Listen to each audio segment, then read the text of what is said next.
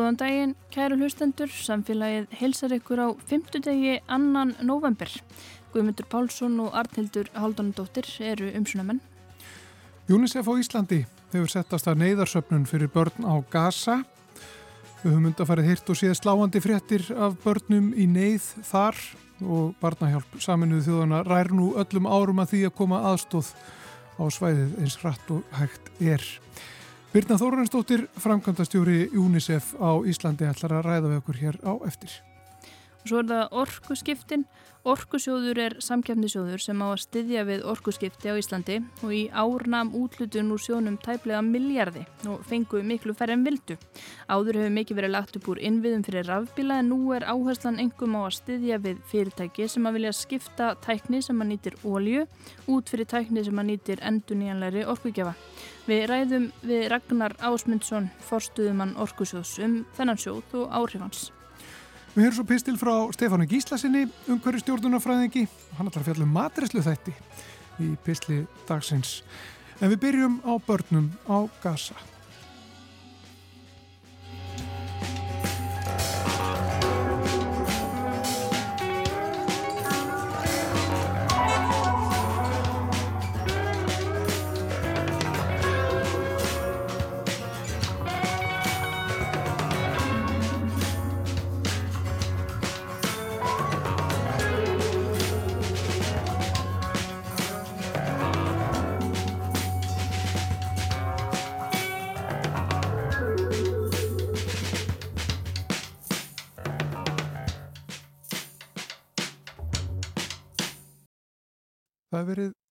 Fylgjast með eh, umfjöllun um átökin fyrir botnum miðjarahafs undafarið. Eh, þau eru harkaleg og eh, mörg börn sem að þar hafa dáið og slasast alvarlega og við höfum séð myndir af þessu í, í sjónvarpinu, í fréttum og þetta er átakanlegt að fylgjast með þessu. En nú er hún, semst hérna hjá mér Birna Þóransdóttir, frangöndastjóri í UNICEF á Íslandi, það er barnahjálp saminuð þjóðanast, velkomin til okkar. Takk fyrir kjalla. E, þetta eru sko, þetta eru rillilega frettir sem við sjáum á hverjum degi núna og, og myndir frá Gaza. Þetta er það, við hefum í einhverju frettatilkynningunni er talað um þetta sem blett á samvinsku heimsins, það sem er að gerast þarna. Á hverjum degi í 25 daga hafa yfir 400 börn ímist látist eða slasast á hverjum einast deg í 25 daga og við sjáum ekki fyrir endan á þessum enda því miður. Þannig að þarna er bara hörmungar ástand sem að, að verður að stoppa og það verður að koma á vopnallíi og hleypa mannúðar aðstóði alveg gríðarlega miklu magni inn á gasasvæðið. Mm. Og hvert er hlutverk UNICEF núna þegar að ástandið er svona? UNICEF er að, uh, að ferja inn þær byrðir sem hægt er að senda inn. Um, þar er, sagt, hefur verið uh, fluttinn tölvört mikið magna vatni, uh, liv og læknabúnaður er líka búin að komast í gegn.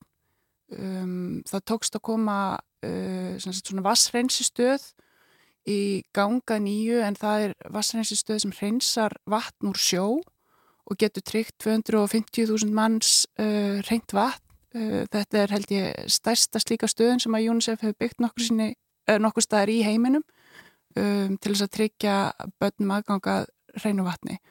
Og sem betur fer þá gengur þessi stöð en þá en ég sá myndefni í gær og þetta er, svo, þetta er allt svo surrealist. Þar var verið að sína sko langa raðir af östnum með tunnur festar uh, á, á vagna um, vegna þess að það eru þetta ekkert eldsneiti á gassasvæðinu. Þannig að fólk er sagt, að fara með astna að þessari stöð til þess að fylla tunnur og það sem við hefum heyrt er að, að fjölskyldur er að samanast með það sem að þær þó eiga.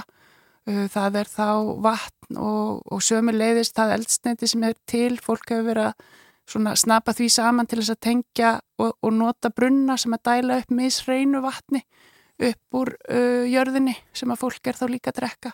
Þannig að, að sko, það sem við heyrim í fréttum um áhyggjur bæða af ofþornun og svo sömulegis lífsættilum sjúkdómum sem er algjörlega hægt að fyrirbyggja uh, út af vaskorti og skortar hreinu vatni. Þetta er bara mjög alveg áhyggjur. Mm -hmm. Komast þarna inn til þess að veita aðstóð, um, það gekk illa og brösulega. Um, er, er útlitt fyrir að, að það muni ganga betur núna? og, og, og það hefur, eins og þú segir, það hefur eitthvað, eitthvað hefur tekist að einhver hefur tekist að koma hann í gegn. Já, þetta eru, þetta eru, við erum alveg að tala um, um núna tölverðan fjöldatrykka en þetta er samt uh, kannski bestu myndin eða bestu svona byrtingamyndin á, á, á því sem að er verið að gera á svo skalanum er að þau flutt út þarna um 76 manns uh, uh, sjúgra og vekt fólk og slasaða til Egiptalands í gær en það eru um 20.000 manns sem að eru uh, uh, slösuð eða veik inn á gasa Þannig að þetta, er, þetta eru bara drópar í hafið því miður. En starfsfólk UNICEF til viðbútar við þetta að, að, vera, að, að tryggja þó þær neðarbyrðir sem hægt er að koma inn að þá er fólki okkar líka bara í mikill viðbræðstöðu og, og til þess að hlaupa þegar við getum vegna þess að fyrir utan þessi venjulegu verkefni sem er að tryggja næringu, vatn, uh, mentun, bönni að rétt á mentun hvað sem gengur á en, en það er, gengur erfiðlega að tryggja þeim hana í þessu ástandi að þá er það líka bara öll þessi andlega hlið sem þarf að sinna um, áföllin sem börnir að verða eru svakaleg og þau þurfa stuðning til að vinna sér í gegnum þetta og geta haldið áfram með lífið þegar þessum átökum linnir. Þannig að það er ekki síður mikilvægt verkefni sem að UNICEF minn stíga inn í um leið og við getum. Mm.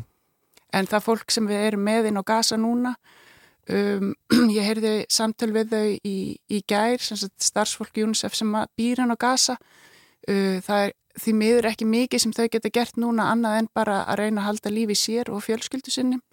Uh, það var einn sem sagði að hún væri í húsi fóraldra sinna á samt 54 ættingum um, sem að eru þarna samankomin til leita skjóls og þeirra helsta tenging um hinn minn er gammalt útvarp og hún segi við sitjum saman við það og hlustum eftir fréttum um vopnalli eða einhvers konar láta á þessu ástandi. Mm -hmm. Er vitað hvað þetta eru mörg börn sem að sem eru í, ég, í neyð bara, eru, eru í miðju þessara átaka einhvern veginn uh, og, og eru í hættu vegna þess? Já, við veitum það að af 2,3 miljónum íbúa gasa þá er rétt tæpur helmingur börn. Þannig að við erum að tala um rúmlega miljón börn og ég held að það sé ekki hægt að fullir það neitt annað en að þau séu öll í bráðri hættu. Já, og þessu þarf að mæta? Þessu þarf að mæta, já. Og ekki síður að mæta neyðinni núna heldur líka þessum að, að UNICEF badnahjálpin er að vinna svo mikið að það er þessu uppbygging uh, sem tekur svo við. Vegna sem við verðum auðvitað sjálfsögðu alltaf að trúa því að það komi dagur eftir þennan dag og þá hefist uppbygging og þá verðum að vera til staður og byggja upp seglu og von og, og, og veitabötni mentun og veitabötni heilsugæslu þannig að þau geti haldið áfram í sitt lífi í, í fæmi fjölskyldu sinnar. Mm -hmm. Þannig að það eru verkefnin. Já. Stóra verkefni núna, það er að bregðast við strax uh, og tryggja þessa grunnþarfir. Já, og það skiptir rosa miklu máli. Ég veit að við fyllum stöll vannmætti við að hlusta fréttinar, en við hérna á Íslandi við getum vissulega stutt við með því að styrkja uh, uh, fjársafnirnir UNICEF og annara stofnarna sem er að vinna þarna á svæðinu. Þörfin fyrir aðstóð er alveg gríðar mikil og hún verður að vera eins mikil og mögulega er með aðstæður og svo um leið og, einhverju linnir þá þarf hún að vera á massífum skala. Þannig að, að uh, þau sem vilja styrka verkefni í UNICEF, þau geta farið inn á heimasíðun okkar, unicef.is eða einfallega sendt uh, orði neyð í numeri 1900 ef þau eru hjá, hjá Símanum eða Nova.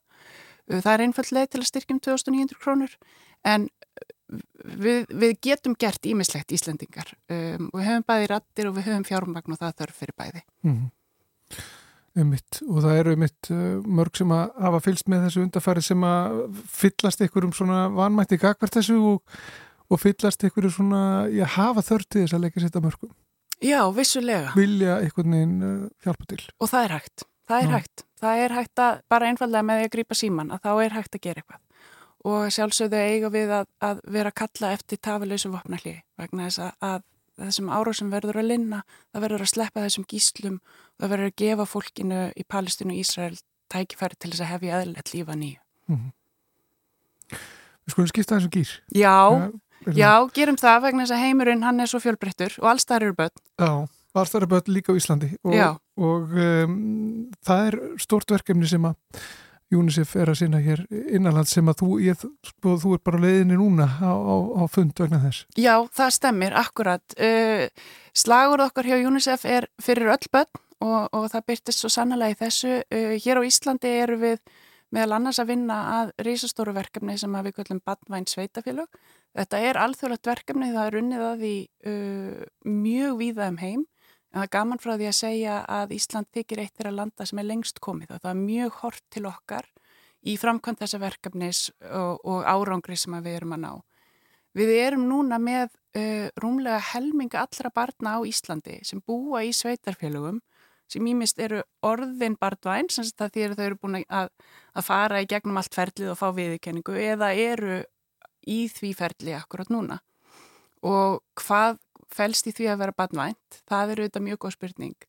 Um, nær öll nær þjónusta sem að börn uh, sækja sér eða reyða sig á í sínu daglega lífi er veitt af sveitafélagunum. Þannig eru skólanir, þannig eru íþróttafélagin, þannig eru göngustígarnir, þannig er helsugjæslan, það er allt þarna. Þannig að það er mjög nærtækt að vinna með sveitafélagum eða þú vilt bæta hag uh, barna og tryggja uh, réttindi þeirra. Og með því að fara inn í þetta prógrama þá er, er sveitafélag að segja ok, við ætlum að fyrst að gera stöðumat, við ætlum að rýna hverju stað að batna í sveitafélaginu út úr því sjáum við tækifæri til, til úrbóta og við ætlum að fara í þar úrbætur á vissu tímabili. Og síður það sem skiptir ekki meir, ekki síður máli er að við ætlum að hlusta á börn og gefa þeim þeirra réttmættu hlutild í rekstri sveitafélagsins vegna þess að uh, börn hafa svo sannarlega skoðun á því sem snerti þeirra líf og það er réttur þeirra samkvæmt barnasáttmálanum að hafa skoðun á því sem snerti þeirra líf. Þannig að við, við hjá UNICEF lítum svo á að, að þessi þáttöku hluti í verkefninu er enga síðan mikilvægur heldur en öll hinn uh, verkefnin sem er áðist í. Þannig að þá eru við að vinna mjög mikið með réttindar áðum í sveitafélagunum eða ungmennaráðum og þau fá uh, í gegnum þetta verkefni tækifæri til að taka þátt til dæmis í, í bæjastjórnaverkefnum og, og öðru slíku. Mm. Hvernig, hvernig voru svona sveitafélagin uh, í stakk búin einhvern veginn þegar þetta verkefni hófst að, að takast á þetta og hvernig var staðan bara í sveitafélagum? Var það mjög missjöfn? Hún er auðvitað bara mjög mismjöfn. Við erum auðvitað með hvað, um 70 sveitafélag á Íslandi og þau eru mjög ólíka stærð og, og, og eðli en öll uh, eru þau að veita lögbundna grunnþjónustu fyrir börn. Um, ég held að hverkið sé staðan eitthvað slæm. Ég held að, að hérna, almennt búa börn á Íslandi um, bara við mjög góða þjónustu um, en það eru alltaf tækifæri til úrbóta og þau verða ekki síður ljós eða þú ferða að hlusta eftir því hvað skoðan börnin hafa á þjónustunni eða þjónustuleysinu. Um, til dæmis í verkefninu sem við hefum verið að vinna með Kópavogi hafa geðheilbreyðismálinn komið mjög stert upp og þar hefur ungmennaráðið virkilega verið að þrýsta á um það og bærin hefur tekið það í fangið. Þannig að, að um, um leið og fer að rýna í stöðuna þá sér þau hvað hægt er að gera og það er í rauninni ferun í þessu verkefni að þú ferð að rýna og þú ferð að hlusta og þú ferð að bæta úr og í dag á ráðstömnin okkar í hörpu eða þetta er einu svona bæjastjórafundur, við erum að kalla saman uh, bæjastjóra, þetta eru um 20 bæjastjórar sem að koma saman og við erum að fara yfir stöðuna og, og sömulegis að sjá tækifærin sem félast í því að vera að vinna að innleggingu eins og kallaða farsaldafrumvarps um, sem er snýrað í rauninu svona samþætningu þjónustu uh, fyrir börn. Uh, það eru lög sem voru leiti, þessi, voru lögfest fyrir cirka tveimur árum síðan og er ísastort verkefni fyrir sveitafélagin að innleiða. En það er svo opaslega mikil samfella að gera það með því að vera að vinna því að vera batnvænt sveitafélag. Þannig að við ætlum að rýna í þessi tækifæri og sjá hvernig þessi tvö verkefni vinna saman í því að bæta þjónustu við börn. Já. Og börnin þau hafa skoðanir þegar þau eru yndi eftir þeim þá, þá hafa þau skoðanir og þau vilja hafa hlutuna á hvernig átt og, að sjálfsögðu, eins og við öll eins og við öll. Og við þekkjum það ábygglega öll sem ölum upp öllna að, að þegar við spyrjum þau og þá stendur ég vilt ekki að svörum. En það skiptir svo miklu máli bæða að spyrja en svo líka að hlusta og taka marka á og sína börnunum að það er hlustað á þau og það sem þau segja hafi virkilega áhrif. Vegna þess að þá byggjur upp samband trösts og þá getur þau byggt á því og farað að ræða við þau um fleira. Þetta er eins og skemmtilegt dæmi frá, frá Akureyri sem var fyrsta sveitafélagi til að fá viðkenninguna var að, að ungmennaráðið uh, þau segja frá því að fyrst fenguði verkefni eins og að hafa skoðun á ég veit, mann ekki alveg, þetta var eitthvað svona eins og að þú veist hvað sundlaug, rennubröðin í sundlaugin ætti að heita eða skilur eitthvað svo leiðis en svo eftir því sem leið á verkefni þá fenguð að fá fleiri og fleiri málin og bort til sín í rauninni bara allt sem snýra þjónustufuböld fór inn til ungmennaráðsins og þau fenguð tækifæri til að rýna það og segja sína skoðun á því og koma með ábyrningur um hvernig mætti betur fara. Þannig að þá voruð við farin að fá starri mál sem eru tekið fyrir í bæjastörninu og bæjaráði og koma með álit sitt og því. Og það er alveg þáttaka. Já, einmitt. Skulum bara fara að ljúka þessu Birna Þóransdóttir, Frankvæntastjóri í UNICEF á Íslandi. Eh, takk fyrir að koma til okkar í samfélagið Takk fyrir mig. og, og ræða þessi fjölbreyttu eh, verkefni eh, í UNICEF. Og það má kannski bara lóki minna á að það er hægt að taka þátt í neyðarsöfnun fyrir börn á Gaza. Allar upplýsingar og það eru á, á VF UNICEF, unicef.is Takk fyrir komuna. Takk fyrir mig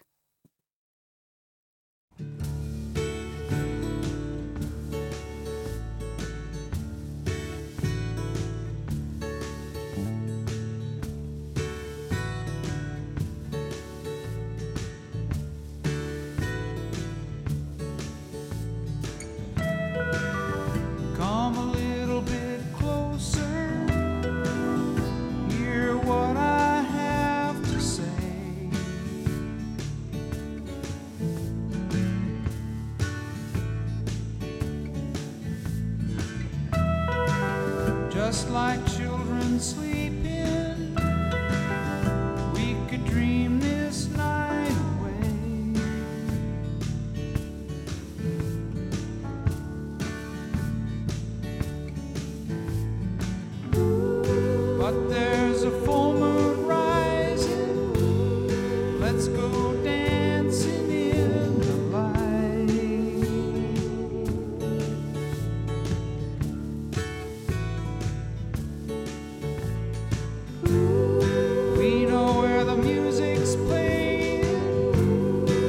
Let's go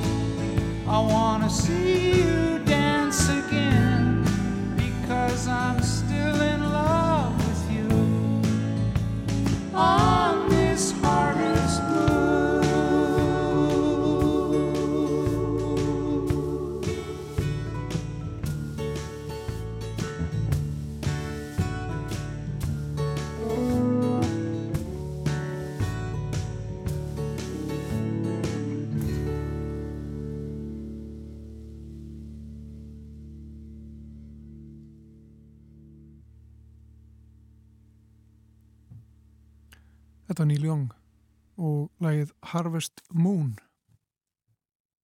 Eh, Hingað í, í samfélagið er komin Ragnar K. Ásmundsson. Þú ferð fyrir orkusjóði sem er svona einhvers konar hvað undirstofnun orkustofnunar. Orkursjóður hefur sér kennitölum og er í eigu ríkisins og er ábyrjar á þeirra og hefur þryggjamannar stjórn en er, eh, er í umsýslu orkustofnunar og sjóðurinn þykkur þá raunin ráðgjöf hjá orkustofnun og síðan hjá hagsmunnaðalum í orkugeranum. Og þetta er ágætlega digur sjóður, það eru, eru þó nokkru peningar í þessu og mikil ásókn í þennan sjóðu. Þið eru núna búin að útluta fyrir þetta ár, getur það sagt mér frá þeirri útlutun? Sko hann hefur, það er réttið þeirra, sjóðurinn hann hefur stækkað verulega á síðustu ár. Uh, hann var notaður hérna á, fyrir áratöfum síðan í tegnslu við hittavitu væðinguna og með ágættum árangri, hann var þá reygin hjá Sæðlabanka og það voru veitt áhættu lán sem eru, hafa verið notuð líka fyr, sem fyrirmynd í öðrum löndum. Að, að veita, veita slík lán í svona áhættu starf sem eins og jarðetileitin er, og kannski minni á þetta hér heldur en við annars þar og nú er verið að nota þennan sama sjóð uh, endur restanindar með lögum frá 2020 og en þá í formi styrkja. Og svona það er veldig svöxtur á hann sko segja. En það var alltaf verið að setja meira fjármagn í hann já, að hafa við stjórnulda. já, það hefur verið stjórnult hafa verið að gera það núna já, allar síðustu ár. Og, og hérna síðasta útlutun var upp á 914 miljónir til einhverja 58 verkefna Já, en það var sótum töluvert meira. Það, já, það er innan við það, það er er, var, uh, þetta er á, átt, á áttunda miljard, eða 7,5 miljard hérumbil sem var sótum og fenguð þá bara, hvað er það, einn, einn áttundi? Reyknum hérna. Það munar alveg um þetta, en þetta eru, þetta eru segir, þú segir 50 og hvað fyrirtæki sem að, eða fyrirtæki og einstaklingar veintilega. jú, það er sko, allir geta sótum, allir sem eru í or orkuskiptum. Þetta er náttúrulega fyrst og fremst við um áhuga, skulum við segja, á þeim sem eru, eru hérna, ólíunótendur, svona neyðast til þess, en uh, það er hægt að breyðast við því yfirleitt með, með annari tækni, hægt að nota einhver aðra tækni í langflestu tilvíkum, skulum við segja, og alltaf meiri meiri fjölbreytni í því, en uh, til þess að svona koma þessum aðilum sem að vilja fara í orkuskipti, að koma þeim svona yfir þröskuldin, það er alltaf, alltaf erfitt að, að byrja að vera fyrstur með nýja tækni. Og sjóðun er einmitt sko ætlaður þe þeim aðeilum sem, að, sem sagt, eru, eru hérna, svo kallar first mover sem sagt, eru, eru þá aðeilar sem að vilja sinna þessu uh, til þess að vera hæfa tæknilega kannski til að taka upp nýjan búnað.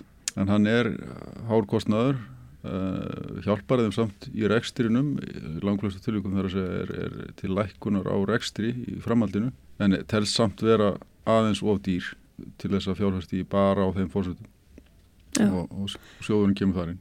Og þið eruð að horfa á sko þegar þið ákveðið hverjir skuli fá styrk þá eruð að horfa á hversu marga lítra tekst að fjarlæga hva- hvað er þetta komið vekk fyrir mikla ólíunótkun með þessum styrk og þar með e, útblástur, gróðurslóftegunda. En er eitthvað fleira sem þið horfið til? Þetta er náttúrulega fyrsta viðmiði sem við höfum. En það er auglýst á hverju ári áherslu svið og þau eru, þó, þó að markmiðið sé alltaf sama, að losna í olju, að þá er það gert með mismöndi hætti. Stundum er þetta stöðningur við innviði, eins og til dæmis hlæðslustöðvar, sem við höfum verið talsveit mikið að sinna undanfjörnum árum, alltaf sí, með sístækandi stöðum, það, byrjar sem, sem hérna, svona áningastöðvar fyrir gististadi en svo eftir því sem að meira frambóð af stærri stöðum kemur þá, þá erum við líka erum að hjálpa til með það. Og, og að, dreif, að dreifingum landi það er líka viðmið sem við höfum haft. Að reyna að ná því, sérstaklega í þessum hlæðslustöðum og svo eru náttúrulega fleiri atrið að koma mis, miskoður upplýsingar um verkefnin og svona raunhæfni Ef við horfum bara aðeins á síðustu útlutun hvað fannst þér áhugaverðast þar hvaða verkefni og, og hver eru svona stærst og munar mestum? Sko, það er náttúrulega bara ánægilegt að sjá að það eru verkefni sem að, sem að taka út verulegt magna olju, svona kannski á einum stað og þá þægilt fyrir okkur í bara rauninni ákveðslu að, að, að hérna, sinna þeim. Hvað eru svona stærstu Já, það er, stórparnir? Það, það er hérna, Ísfélagi Vestmannheim sem er kannski síðasta bræðslan segja sem að, sem að hérna, er að fara þá á ramagn og það eru tækifæri því reyndar líka sko að við erum, þó að við viljum að taka út oljuna þá er þetta samt sem áður varma framlegsla en uh, það er að koma og er komin núna rauninni búnaður sem að næra að spara þá ráorku líka við þessi, þessi þurrkhýtastík sem hefur verið vandamál hinga til í svona yðnaðar varmadælum en uh, vonið tekst, tekst að nýta þá tækni í þessu verkefni. Þannig að það, það þurfu ekki að vera 100% ráorka sem kemur í staðin fyrir oljuna og þetta er, þetta er rauninni sama verkefni og við erum að eiga við í, í, í rafkynntum veitum sem eru þá líka nota olju og við erum gætnan að, að sko þau noti þá rávorku í staðin en helst ekki 100% rávorku og væri þá að nota varmadalus upp þessu getur í vestmanninu. Þetta er þá upp á að stjórna áhættunni að komi veg fyrir að það verði ramasleysi eða... Já, það, það er fórsöndur þá markaslega fyrir þess aðeins að kaupa aðeins stýra ramagn og, og tryggt þá líka ekki, ekki skerðanlegt og það er þá geng, ætti að geta gengið upp svona sáreikstur í samanbyrðið við að vera kannski háður skerðanleiri orku og lenda þá stundum olju og vera í ákvæmni óvisur líka með niðurgreislur stuðning frá, frá ríki sem er enda standard, það er ekki gegnum orkusjóð en, en það er með, í umsýslu orku stofnunar Þú nefnir þarna Ísfélag Vestmanneja og, og það hefur hafa fleiri sjáurútusfyrirtæki og stór fyrirtæki fengið svona háastyrki farið í einhverjar stórar aðgerðir í, í orkuskiptunum en þeir eru ekkert að horfa á sko lesa áskýslutna þeirra eða skoða hversu mikið þau hagnast eða greiða sér í arð. Þetta snýst ekki um, um það hversu fjár þurfi eða burðug fyrirtækin sem sækjum eru. Nei, sjálfsögur, við, við náttúrulega lesum kannski áskýrslun, það eru bara út af öðrum ástæðum, en, en hérna, við erum fyrst og fyrst að horfa á verkefnin, að þetta séu bara helbrið verkefni og séu líka unnin af tröstörum aðlum þegar þetta eru um stóra fjár, fjárhæðir, þannig að það er sjálfsögur ekkit verra fyrir okkur að það sé sterkur fjárhæðslegur aðli sem að er að sinna þessum. En er ekki þetta bara ætlast til þess að því að fyrirtækja vantilega endanum græða á því að ráðast í orkuskiptin að þau leggji meira til sjálf? frekar en að nýta ríkisfi? Jú, það má, má alveg færa rauk fyrir því, þau græða sannlega endanum á því, og, en það getur tekið talsveit mörg ár að komast ánga, þannig að það er, það er samt kostnaður í ákveðin tíma. Og, og þau er kannski ekki tilbúin til þess, þannig að þá komið þig og, og smyrja aðeins hjólinn.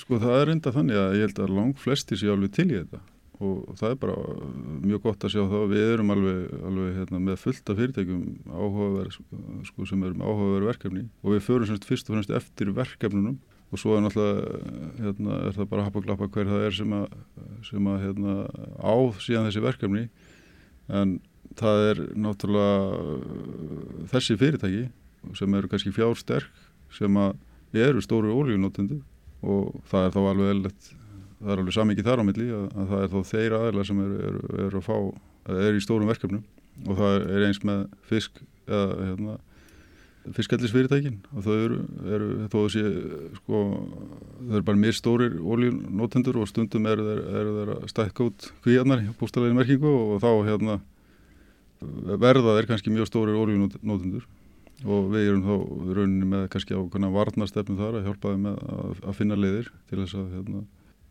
reynda að finna þau yfirleitt sko, tæknulegu útfæsluðna sjálfa sem betur veri en, en við reynum þá að, að koma inn með, með stöðning þar sem við á í þeim verkefnum. Og hvað í hverju fælst helst ólíu nótkunn fiskaldisfyrirtækja? það eru bara, þetta er, þetta er fó- fóður, fóðurkerfin sem að eru, eru reikin á olju og svo eru allir þjónustu bátarnir meira og minna á, á olju og eftir því sem er lengri farið út í sjó sko, þá er það bara já, en það hefur komið það hafa náttúrulega verið duglegar að, tengja sig við land þar sem þeir mögulega geta það sem er stutt í land. Og ef kostnaðan er ekki of hári í dreifikerfi hjá viðkomandi ramarsveitu að þá hérna, hefur það geta gengið upp en, en bara mjög fín verkefni og, og hérna, en svo er, er líka bara spartnaður á olju í þessum uh, fóðurprömmum Já, taland um landtengingar, þið voru nú gaggrínt hjá Orkusjóði á dögunum uh, af hafnarstjórum fyrir að hafa ekki styrt landtengingar skipa. Er það eitthvað sem þið bara viljið ekki taka þátt í þegar nú eru laðar kröfur á, á hafnarstjóra og eða sérst á hafnir að, bjóða upp á þetta? Er þetta utan ykkar starfsvis? eða? Nei, alls ekki sko. Við, sjóðurinn hefur raunin margótt gert það, stutt við sagt, uh, skipatengingar og það hefur kannski verið í forgangi að það séu þá skip sem eru skráð á Íslandi með íslenska starfsemi uh, og þá beitni ábyrð Íslands. Þannig að þið eruð ekki til í að fara í að styrkja landtengingar fyrir einhver skemmtifæraskip sem eru skráða Bahamas. Uh, það er allavega ekki í forgangi, skulum segja, en það er eins og er alveg, alveg hérna, viðurkent að uh, svona tengingar geta alveg komið, uh, verið gaglega fyrir önnur skip og sjálfur sér er, er, er þetta loftlagsmál en bara, bara loftlagsmál skulum við segja í sko, ETS-kerfi eða einhver öðru kerfi er Þannig að þið, horfið á svona bókaldið og hérna, hvaða losun er á ábyrð íslenskra stjórnvalda og reynið að högva í það. Já sko, sjóðun er í eigu íslenskar stjórnvalda, þetta er íslenski skattpenningar og það er þá eðlilegt að, að það hefur þótt eðlilegt allavega að eigundu sjóðsins að, að það, þeim peningum sem þá varið í verkefni sem er á ábyrð þessa sömu skattgreðið það. Og uh, svona áherslu sjóðsins núna og einhver, hafa orðið einhverja breytingar á hann með hvernig svona sérðu framtíð hans fyrir þér bara næstu örfái árin. Hann, það er nú líklegt að hann haldi áfram að stækka eitthvað þegar að, hérna, að því að við erum ekki búin að ná, þetta er svona S-kurva raunni þegar hérna, þessi fæsla á sér stað úr, úr olju yfir í enga, enga olju það S-kurvan getur kannski útskipt fyrir þeim sem er Já, ekki... hún, hún, bara hún lítur út eins og S það segja, hérna, hún byrjar svona frekar rólega. Já, það sem að neðst í S-inu og, og fer svo hratt upp eða breytingin fer svo á flegi ferð þegar að- þegar að maður teiknar upp uh, S-ið og, og, en svo hægir aftur á í lokin þegar síðasti lítur hann, hann er lengi að fara út sko. þannig að hérna, en við erum svona að stíga aðeins upp á, komin á brattan sko, í, og sérstaklega í rafbílum. Og það sýnir það alveg að Íslendingar eru alveg, alveg með á nótunum sko, og vilja alveg, alveg koma að þessu á, á fullu. Og, og, hérna, og tölurna sína það. Og það er, það er alveg eins sagt, í, í hjá flestum fyrirtækjum að þau vilja koma að þessu á fullu en hérna, vita kannski ekki að einhver tiltekin tækni er til og þess vegna þurfum við þessa fyrstu til að koma sem eru með þetta alveg hreinu fástuðning og, og það er þá sínt fram á að þetta er það sé auðvitað að halda áfram. er eitthvað sem að bara hefur komið virkilega óvart bara að sé orðið möguleik í dag? Já, sko, það kemur bara, hvernig degi kemur alltaf eitthvað, kannski sem kemur manni pínu óvart að eitthvað er komið lengur en maður held kannski og jável þeir sem eru sko í djúptsóknir skulum segja í einhverju tiltekunum yðnaði, þeir kannski vita samt ekki af einhverju græju sem er, er þó komin. Þurfum við þá ekki að fræða fólk líka eða láta já. orðið berast en þið jú, getið farið að jú. hérna Við erum oft í, oft í samtunum, það, það er náttúrulega það sem er kannski, var þetta skipin, að þú nefndir þau landhengingarnar, sko, að það sem er miklu stærra mál, þar er, er elsneti sem þau nota og ég vil kalla þá raf elsneti, það er þá bara tilbúið elsneti og við eigum ágætið stækifæri þar, það er náttúrulega búið að, búið að vera framlega á, hérna á Íslandi metanól sem er þá raf elsneti Versmiðar reyndar ekki í gangi núna en, en, en hérna, við eigum líka gott tækifæri í ammoniaki, vetni að sjálfsögðu en, en hérna, Það var um eitt verkefni sem snýra því er það ekki sem hlaut styrka að búa til svona ammoniak kerfi fyrir eitthvað fiskiskip. Jú, það er, það er bara mjög ánægilegt að það er komið inn. Það var semst í fyrra metanólverkefni sem er á, á fiskiskipi. Er ekki svo mikil hægt að þetta springi bara, er ekki ammóníak svolítið svona varhugavert? Það er næsta skónumur við hliðina sko, sko NH3, það er ammóníak, það springur ekkit sko, en NH4 sko. Já. Það er svona beirút. Já, já, einmitt, við viljum ekki sjá svoleiðis.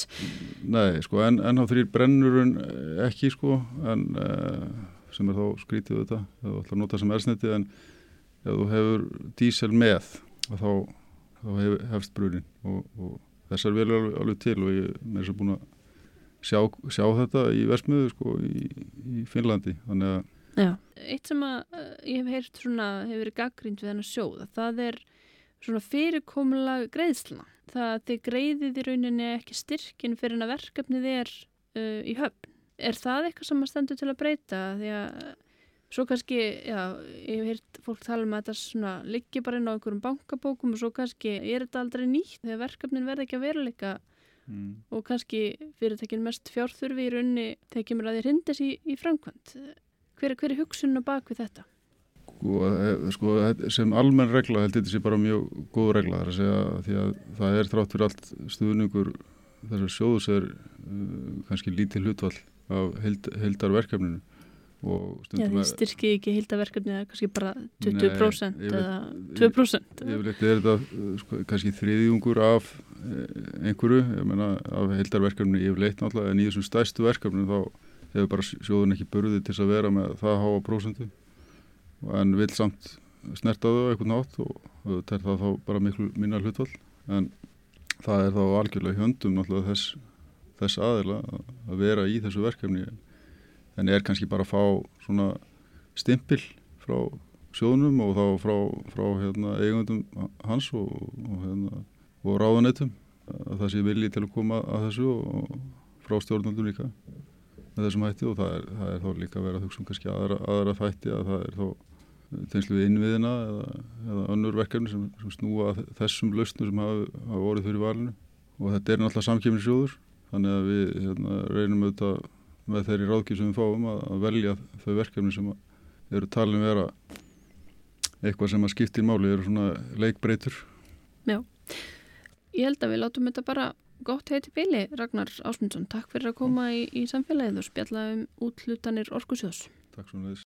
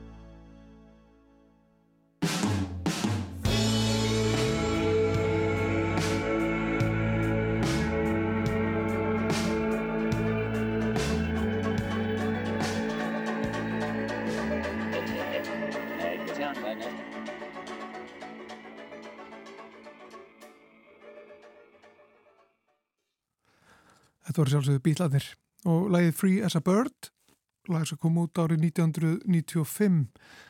Eitt af þremur lögum sem John Lennon tók upp heima hjá sér á segulband sent á 8.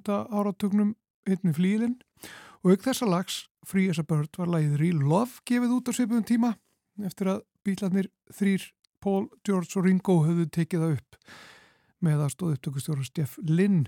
Og þarna var nýjustu tækni þess tíma beitt til þess að fínpúsa rödd Lennons eins og hægt var. En þriðja lagið á kassettunni sem Jóko Ono ekki að Lennons færði hinnum bítlunum heitir Now and Then. Og það lag kemur út í dag eh, nánar tiltekið eftir korter klukkan tvö. Og þessu sinni er gerfigrind notuð til að einangra og fínpúsa söng Lennons sem hljómar með undirleik hinna bílana þryggja. Og þeir tveir sem eftirleifa Pól og Ringo kláruðu verkið með aðstóð Giles Martin, síni George Martin, upptökustjóra bílana, og Peter Jackson sem vann tæknilegt þryggvirki við gerð þáttaraðarnar Get Back sem kom út fyrir tveimur árum. En nóg um það, Stefán Gíslason er tilbúin með sinn pistil. Only a handful of chefs in every generation Matreðslu þættir eru vinsalt sjónvasefni bæði austanhafs og vestan og líklega hafa þeir meiri mótandi áhrif á áhörfundur en marga grunar. Þess vegna skipta línurnar sem þar eru lagðar verulegu máli í umhverfislegu tilliti og þessar línur eiga það til að vera allt annað en grænar. Um þetta var fjallað í áhugaverðum pisli í því Guardian undir yfirskriftinni Uppskrift að hörmungum, hvernig góðir matræslu þættir geta verið hræðilegir fyrir jörðin okkar. Þar er bent á að á sama tíma og sérfræðingar leggja áherslu á að fólk borði minna kjöt og noti rafmagn til eldamennsku í stað jarðefnælsnitis séu matræslu þættirnir í sjónvarpunum fullir af steikum, gaslógum og heilu haugunum af mat sem fyrir beinalegi ruslið. Use the side of the pan to help tilt the pan and I'll sear the back of that steak. That's really important. Heilu bevel eftirréttirni séu látnir detta í tunnuna eins og ekkert sé, staplar af hráum kjúklingi séu notaðir sem borskraut, gaseldavélar séu allsræðandi og yðurlega kvikni í mat sem verður að elda. Matarvenjur okkar þarf að segja bæði val okkar á mat, aðferðið eldamennsku og nýting afganga hefur meiri áhrif á lofslæði en flest annað sem við gerum. Þannig er almennt talað um að framleiðsla, flutningur og neysla matvæla standi fyrir fjórðungi eða jafnvel þriðjungi af allri losun gróðurhúsaloftegund í heiminum. Matreyslu þættirnir sjálfur eru auðvitað ekki nema örlíti brota þeim ósköpum öllum saman, svona fljótt á litið, og því er eðlilegt að spurt sé hversu mikil áhrif svona þættir getur svo sem haft á umhverfið. Til að svara þeirri spurningu nægir ekki að líta bara á beinu áhrifin, til dæmis þá lítra af gasi sem er brent í þáttunum eða þau kíló af mat sem enda óétin rustinu. Maður þarf nefnilega líka velta fyrir sér óbeinu áhrifunum. Það er að segja þeim menningarlegu og félagslu áhrifum sem svona þættir geta haft. Matarsóin í matræslu þáttum á sig svo sem alltaf sína skýringar. Sumi framleiðundur hafa það til dæmis fyrir reglu að kaupa miklu meira ráefni en þarf í matinn til þess að tryggja ekkert vandi ef eitthvað fyrir úrskeiði sér þáttagendum. Svo er matum mikið notaður sem leikmunir í svona þáttum til að láta eldhúsi líta vel út og það jafnvel þótt aldrei hafi staði til að elda ára sem mat. Þarfi bæti svo að dómarar geta varla meira en nartað í réttina sem er reyndar eðlilegt þegar haftur í huga að þeir þurfa kannski að dæma 12 rétti í einum þætti.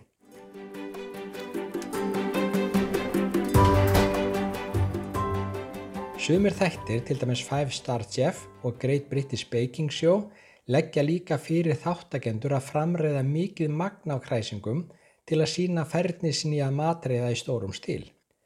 Reynda má gera ráð fyrir að það sem gengur af nýtist vel í mötuneyti fyrir starfsfólkið sem vinnum við gerð þessara þátta, en heilbreyðskröfur setja slíkri nýtingu oft einhverja skorður. Þannig er væntanlega óheimilt að nýta mat af diskum sem dómarar eru búin að bragða af og af diskum sem hafa staðið of lengi óvarðir á meðan að myndtökum hefur staðið. Af þessum sökum fer enn meira til spillis en ella. Í einhverjum tilvikum gefa aðstandutur matræslu þátt að nýtanlega matvæli til góðgerastofnana og gefa bændum aðra afganga sem dýrafóður. Og fræðilega séð væri svo sem hægt að nýta næstum því allt sem til fellur. Séð það gert er hins vegar ólíklegt að manni sé sínt það á skjánum. Þetta getur með öðrum orðum allt saman verið miklu betra frá umhverfisluðu sjónamiði en það lítur út fyrir að vera. En eins og ég sagði áðan ráðast umhverfisáhrif matræslu þátt ekki bara því sem gerist á tökustæði raun og veru, heldur líka af því að menningarlegu og félagslu áhrifum sem svona þættir geta haft. Þetta síðar nefnda atriði vegu meira sér öllum líkindum miklu þingra en hitt. Þarna gildir það sama á sumstæðar annar staðar að það sem virðist gerast getur skipt miklu meira máli en það sem gerist raun og veru.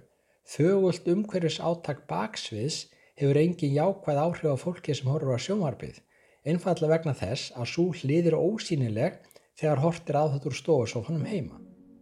Having jelly issues. this is not a thing I thought I would have an issue with, melting jelly. Oh God. I forgot the rum. Sorry about the floor. Sara Lazarovits, samskiptastjóri samtakana Rewiring America, hefur ásand félagum sínum unnið að því að breyta viðþorum fólks til tækninar sem er notuð í eldhúsum nútímans. Meðal annars með því að hvetja fólk til að hætta nota gaseldavélar og elda á ramagn í staðinn en það hafa gaseldavélar slæma áhrif á innloftið og leka út hættilegum efnum sem auka líkur á astma á fleiri kvillum, auk þess sem gas er jarðefnaelsniti og brensla þess eigur á gróðurhúsáhrifin.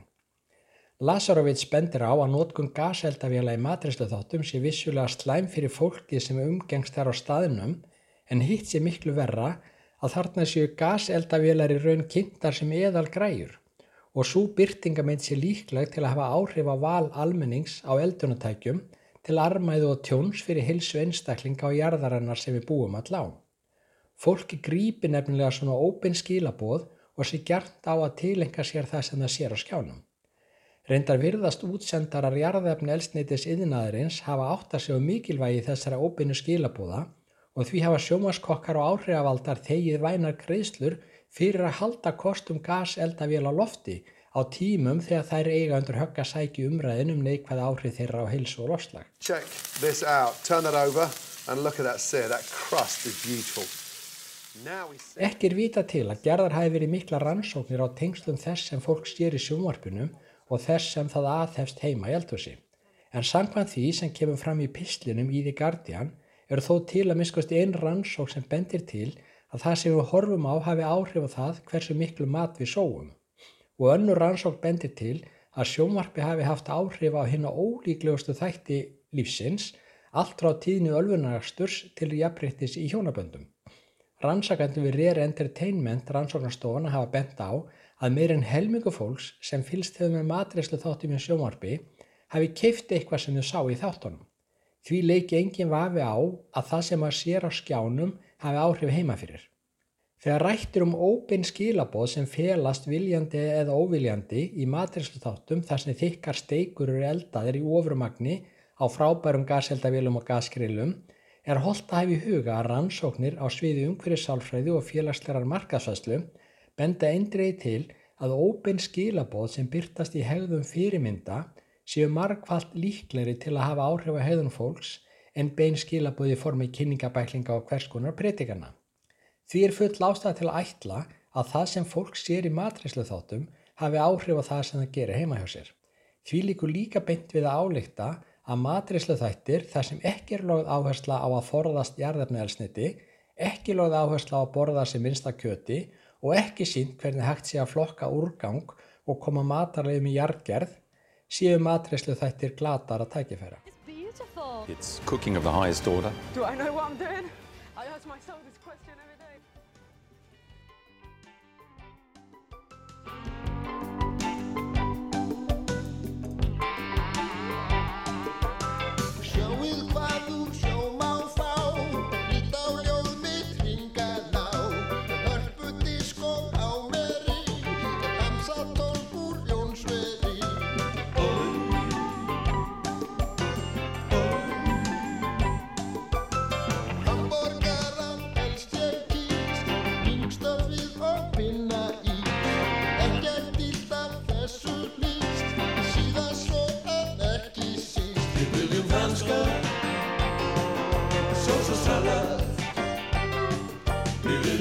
Alaska.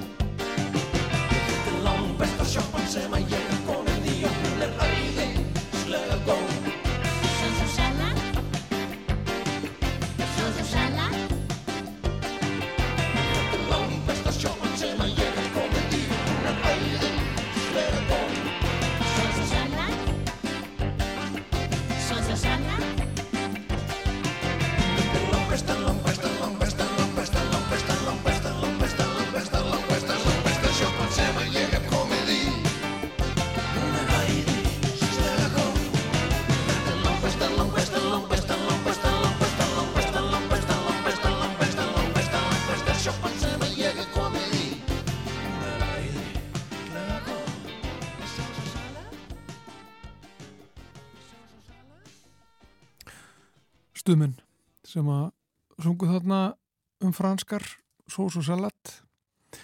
Í eh, kjölfarið á písli Stefáns Gíslasonar. Bara mjög viðeigandi fyrst að það var, já við fundum ekkert lag um, um það að grilla steikur á, á gas Nei, ekki fljótu bræði bara lýsum eftir uh, slíku lagi ef einhver, einhver langar til þess að spreita sig á því. En uh, þannig ljúkum við samfélaginu á þessum uh, ágæta 50 degi Já.